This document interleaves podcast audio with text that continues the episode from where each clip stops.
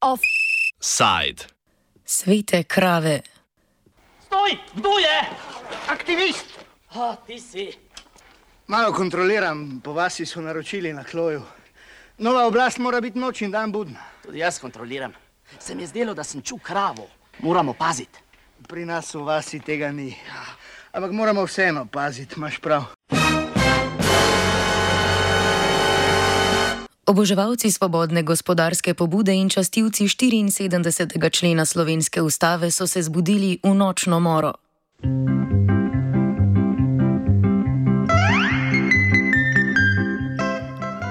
Veterinarska inšpekcija je kmetu Rudiju Možganu iz okolice Krškega oduzela 24 glav goveda po možganovi oceni vrednih 50 tisoč evrov. Uprava za varno hrano, veterinarstvo in varstvo rastlin, pod okriljem katere deluje veterinarska inšpekcija, sicer dokončnih obrazložitev še ni podala, saj bo inšpekcijski postopek zaključen v sredo. Za časopis Dnevnik so jim na upravi pojasnili, da je krave inšpektorica oduzela zaradi zanemarjanja. Govedo je bilo ograjeno na malem izpustu, ki je bil zelo blaten, brez dostopa do vode in hrane, brez dostopa do hleva oziroma suhega ležišča. Živali so bile prekrite z blatom in veterinarsko neoskrbovane, so navedli v odgovoru. Zakon o zaščiti živali določa, da lahko veterinarska inšpekcija začasno ali trajno oduzame živali, če skrbnik živalim ne zagotavlja bivališča, hrane, vode, oskrbe in svobodnega gibanja.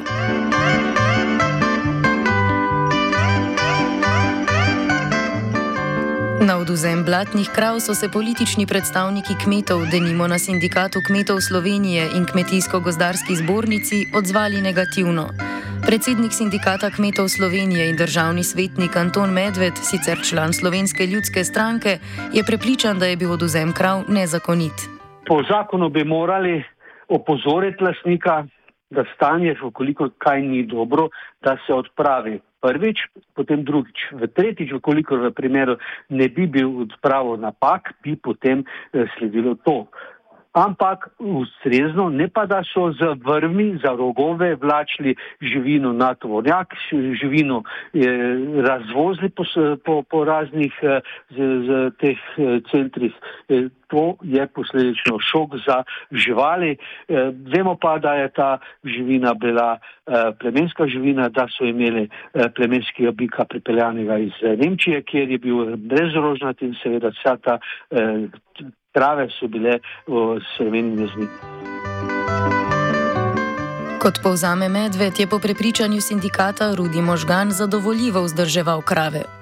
Vzema eh, krav je prišlo iz eh, vidika, da pač je v tem jesenskem času bolj razmočen teren in seveda eh, posledično to tudi nekaj več plata. Krave so bile popolnoma v dobri kondiciji, pomeni prehranje, dobro prehranjene in tudi vzdrževane, kajti z desno, ko so nakladali, če bi ne bi živali bila vajene ljudi, bi begale, ampak so bile povsem mirne oziroma domačene. Menimo, da je to bilo neustrezen poseg v privatno lastino eh, kmeta in seveda tudi eh, za kmeta ustavno sporno. Kajti s tem dejanjem so povzročili eno nepopravljivo škodo. Se, sin, je eh, na kmetiji predviden za mladega prevzemnika, bo dvakrat premislil, ali bo prevzel kmetijo. In na tak način izgubljamo slovenske kmetije. Na podlagi inšpekcij, na podlagi raznih zakonodaje, raznih pripisov, ki omejujejo slovensko kmetovanje. In mladi se na podlagi tega ne odločajo več za poklic kmeta. Kaj iste pogledati v kmetijske šole, kako slabe vpisi je, pa tudi fakultete. Vsi bežijo z tega poklica ve, posledično vemo, da tudi samo 40% od plače dobiva kmet plačano na podlagi ostalih, eh, ostalih poklicov. Več kot tak kmetic, poklic ni zanimiv. Medtem se v kmetijsko-gospodarski zbornici zavedajo, da krave niso živele v kravi dostojnih pogojih, citiramo. Živali res niso bile rejene v povsem optimalnih pogojih, vendar pa niso imele nobenih negativnih posledic zaradi take reje. Imele so tudi možnost se umakniti iz blata na pašnike. A zaradi možnosti umika iz blata in ker krave niso bile skirane, so v zbornici prepričani, da inšpekcija ni imela zakonske podlage za oduzem. V Društvu za zaščito kon, nevladni organizaciji za pomoč živali, se s takim razumevanjem zakona ne strinjajo. Predsednica društva Natalija Nedelko opiše kravi neprimerne življenjske pogoje, kot so razvidni iz fotografij kmetije Rudija Možgana, objavljenih v medijih. Ja, videla sem, ker so jih tudi meni pošiljali tisti, ko, ko so pač krvejo, da se s tem ukvarjamo. Uh, so mi pošiljali slike, videla sem jih, lahko vam rečem, da to ni primerna reja, mislim, niso primerni pogoji za rejo uh, in da to ni prav. Konc koncev je to uh, hrana, ne bi bila slovenskega izvora, nekaj neoporečna in to ni primerna reja za take živali. Niti ni primerno, ni prav, da bi moral uh, slovenski potrošnik uh, jesti meso ali pa piti mleko od živali, ko so v neprimernih pogojih ali pa nepravilno oskrbovane. Dolgotrajno bivanje v visokem blatu, pomešanim z iztrebki, povzroča številne zdravstvene težave pri govedu, nadaljuje nedelko. Splošno znano pa je tako ali tako, da živali v, taki, v takih pogojih se prične potem gnitje parklov, recimo razne bolezni kože, tudi gnitje kože, uh, potem razna, razni paraziti. Mi smo pred časom za nek podoben primer, sicer ne tako grozno hud, smo prosili uh, center, nacionalni center za dobrobit živali za njihovo pojasnilo, če je to primerno za take živali, so oni tam točno napisali, da ne. Uh, in je prav žal, da tudi se zdaj ni nobeno obrno na ta center, konc koncev obstaja, pa bi bilo prav, da tudi oni podajo mnenje, če to mislijo, da je to v redu, pa ustrezna reja za govejo živino. Razburkana javnost je sprožila tudi odziv populističnega obrambnega ministra, začasno tudi opravljavca funkcije ministra za kmetijstvo Marjana Šarca, ki je napovedal notranji nadzor inšpekcijskega postopka. O možganovih kravah in postopanju inšpektorice Danuše Štiglic pravkar razpravljajo svetniki na izredni seji Komisije Državnega sveta za kmetijstvo, kmetijstvo, gozdarstvo in prehrano. Jutri pa bodo razpravljali tudi poslanci na seji parlamentarnega odbora za kmetijstvo. Inšpekcija je, kot veste, eh, neodvisen organ, se pravi, nima eh, minister pravice posegati, lahko pa odredi izredni strokovni nadzor.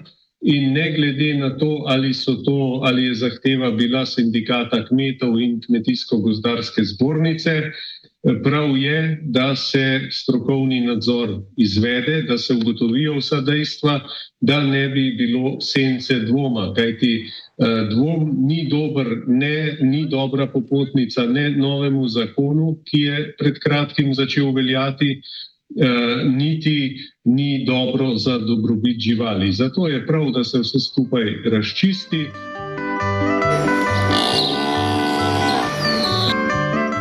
V sindikatu kmetov se bodo z rezultati notranjega nadzora strinjali le v primeru, da bodo potrdili njihove očitke, zagotavlja Medved. Če bo nadzor pokazal, da je oduzem bil pravilen, Če se izkaže to, potem tudi ta nadzor ni bil, ni bil tehten, ni bil, ni bil do, ne bo dovolj eh, strokovno, da bi lahko te slike potrdil. Po vseh teh nam znanih podatkih je to bilo eh, nestrokovno, eh, ustavno sporno, škodljivo za slovenske kmete, še enkrat podarjam. Medtem ko se kmečke interesne skupine ne strinjajo z vsebino postopka in zagotavljajo, da so bile krave rejene v primernih pogojih, opozicijske politike skrbi predvsem postopek oduzema. Tudi tako danes v poslanskem vprašanju ministru Šarcu poslanka Nove Slovenije Vida Čadonič Špelič. Jaz sama ne želim in ne bom kom, uh, konkretno govorila o ukrepu, o vsebinskem ukrepu, ki, za katerega se je odločila dotična inšpektorica, me je pa zmotil postopek in sicer. Zato vas sprašujem, ali ocenjujete, da je postopek odvzema na osnovi ustne odločbe pravilen kje ima svojo pravno podlago. Ali je postopek brez prisotnosti lastnika živali dopusten? Predvsem uh, mislim, da je šlo za kršitev materialne zakonodaje, to je zakon o zaščiti živali, in procesne zakonodaje, to je zakon o upravnem postopku. Glejte, in moti tudi to, da so sodelovali, čeprav še nimajo izpita, tudi pri samem odvzemu predstavniki nevladnih organizacij. Sprememba zakona o zaščiti živali, ki je začela veljati prejšnji teden, omogoča vzpostavitev instituta pooblaščenih svetovalcev, nevladnikov, ki bi veterinarje in inšpekcijo opozarjali na neetične prakse skrbnikov živali. Vključitev nevladnikov v inšpekcijski proces je seveda največji strah tako desnega dela parlamenta kot kmetov samih. Nevladne organizacije, ki so pri tem sodelovali, čeprav eh, zdaj to zanikajo, vsaj tako je bilo razvidno iz posnetkov, zagovarjajo to vrstni poseg, medtem pa ko kmetje, njihovi predstavniki pravijo, da je šlo za nesorazmeren ukrep celo govorijo o kraji živali. Zakaj o kraji živali? Zaradi tega, ker je ena od uh, članic Društva za zaščito živali, tako je bilo vidno, uh, na televizijskih kamerah sodelovala pri odvzemu živali, poleg tega pa tudi na svoji Facebook strani objavila, da bo eno od kravic vzela domov, bo za njo skrbela in uh, napovedala, da bo zbirala sredstva za preživetje te kravice živali. Sprememba zakona o zaščiti živali, ki je začela veljati pred slabima dvema tednoma, kljub klikfehtarskim naslovom v medijih, ni omogočila oduzema, ampak je bil mogoč že predtem. Nevladne organizacije pa so seveda vedno primeren grešni kozel, bolje rečeno krava slovenske desnice, ki Društvo za zaščito kon obtožuje kraje. Predsednica društva Natalija Nedelko, ki je eno, krajo, eno kravo na prošnjo inšpektorice Danuše Štiglic sprejela v začasno rejo do zaključka inšpekcijskega postopka, pa zagotavlja, da pri postopku oduzema ni sodelovala. ne vem, kako smo prišli do te medijske zgodbe, zato ker nismo bili niti na približno, niti malo pleteni. Nismo dali prijave, nismo vedeli, da ta kmetija sploh obstaja, nismo vedeli, da je bil še inšpekcijski postopek, tako da pojma nimam. Pač verjetno zato, ker se ukvarjamo z reševanjem in zaščito rejnih živali in pač govedo je rejna žival, verjetno so zaradi tega tudi takoj predvidevali, da smo pač bili mi tudi upleteni zraven. Inšpektorica me je prosila samo za seznam, ko je že, ko je že potekal odzem. Me je prosila, ker, ve, ker vejo na inšpekciji, da mi imamo seznam miroljubnih kmetij in so me prosili, če bi lahko posredovala podatke. Uh, pogovarjali so se pa s temi ljudmi sami, uh, kdo pa kaj lahko sprejme živali v začasno skrbo, dokler se ne odloči, kaj bo z njimi. Nedeljko ob tem opozarja, da je zanemarjanje rejne živine pri nas pogost pojav. Jaz vam lahko rečem, da je to kar pogosto. Sej še ni dolgo nazaj, še mislim, da ne vem, je bilo tisti dan ali pa mogoče par dni prej, je bil tudi odzem, veliki odzem govedi, uh, pa se noben ni usajal, pa noben ni skakal v luft, uh, zdaj je bil malo manjši, uh, kljub temu še zmeraj velik, uh, pa je že tak problem. Uh, je precej takih stvari se najde, uh, prijavljajo ljudje, uh, pač ne samo, ne samo uh, pohodniki, izletniki, ampak tudi sovaščani prijavljajo, ker že ne morejo tega več gledati. Tudi kmetje sami prijavljajo, zato ker je tudi njim počasi prišlo do roba in sami vejo, da en tak slab uh, lasnik živali naredi škodo vsem, ne samo sebi. Prav zato so govornico, predvsem po odzivih na oduzem zanemarjenih krav v okolici Krškega, skrbi normalizacija zanemarjanja kmečkih živali.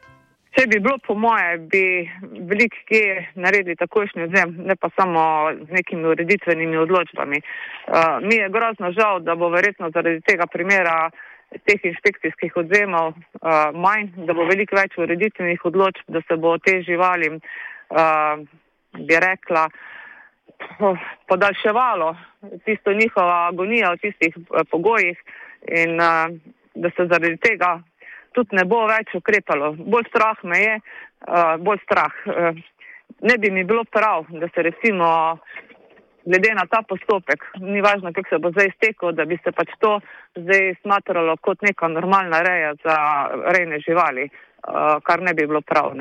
Sej konc koncev predpisi predvidevajo, pišejo, zakoni pišejo, kako more biti poskrbljeno za živali, kakšni more biti prostori. Jaz razumem, tudi razumem, da se zgodi, se zgodi, so poplave, so plazovi, ni da ni, ampak to se vse da sanirati, se živali se da umakniti, ne morejo pa biti v eh, takem globokem blatu, o takih stvarih noter pa ne morejo biti. Najprej so prišli po krave, jaz pa sem v tišini sribal govejo juho. Ko so prišli po perutnino, sem v tišini sribal kurjo juho. Ko so prišli po mleko, ni bilo več nobene krave, ki bi se postavila za njim.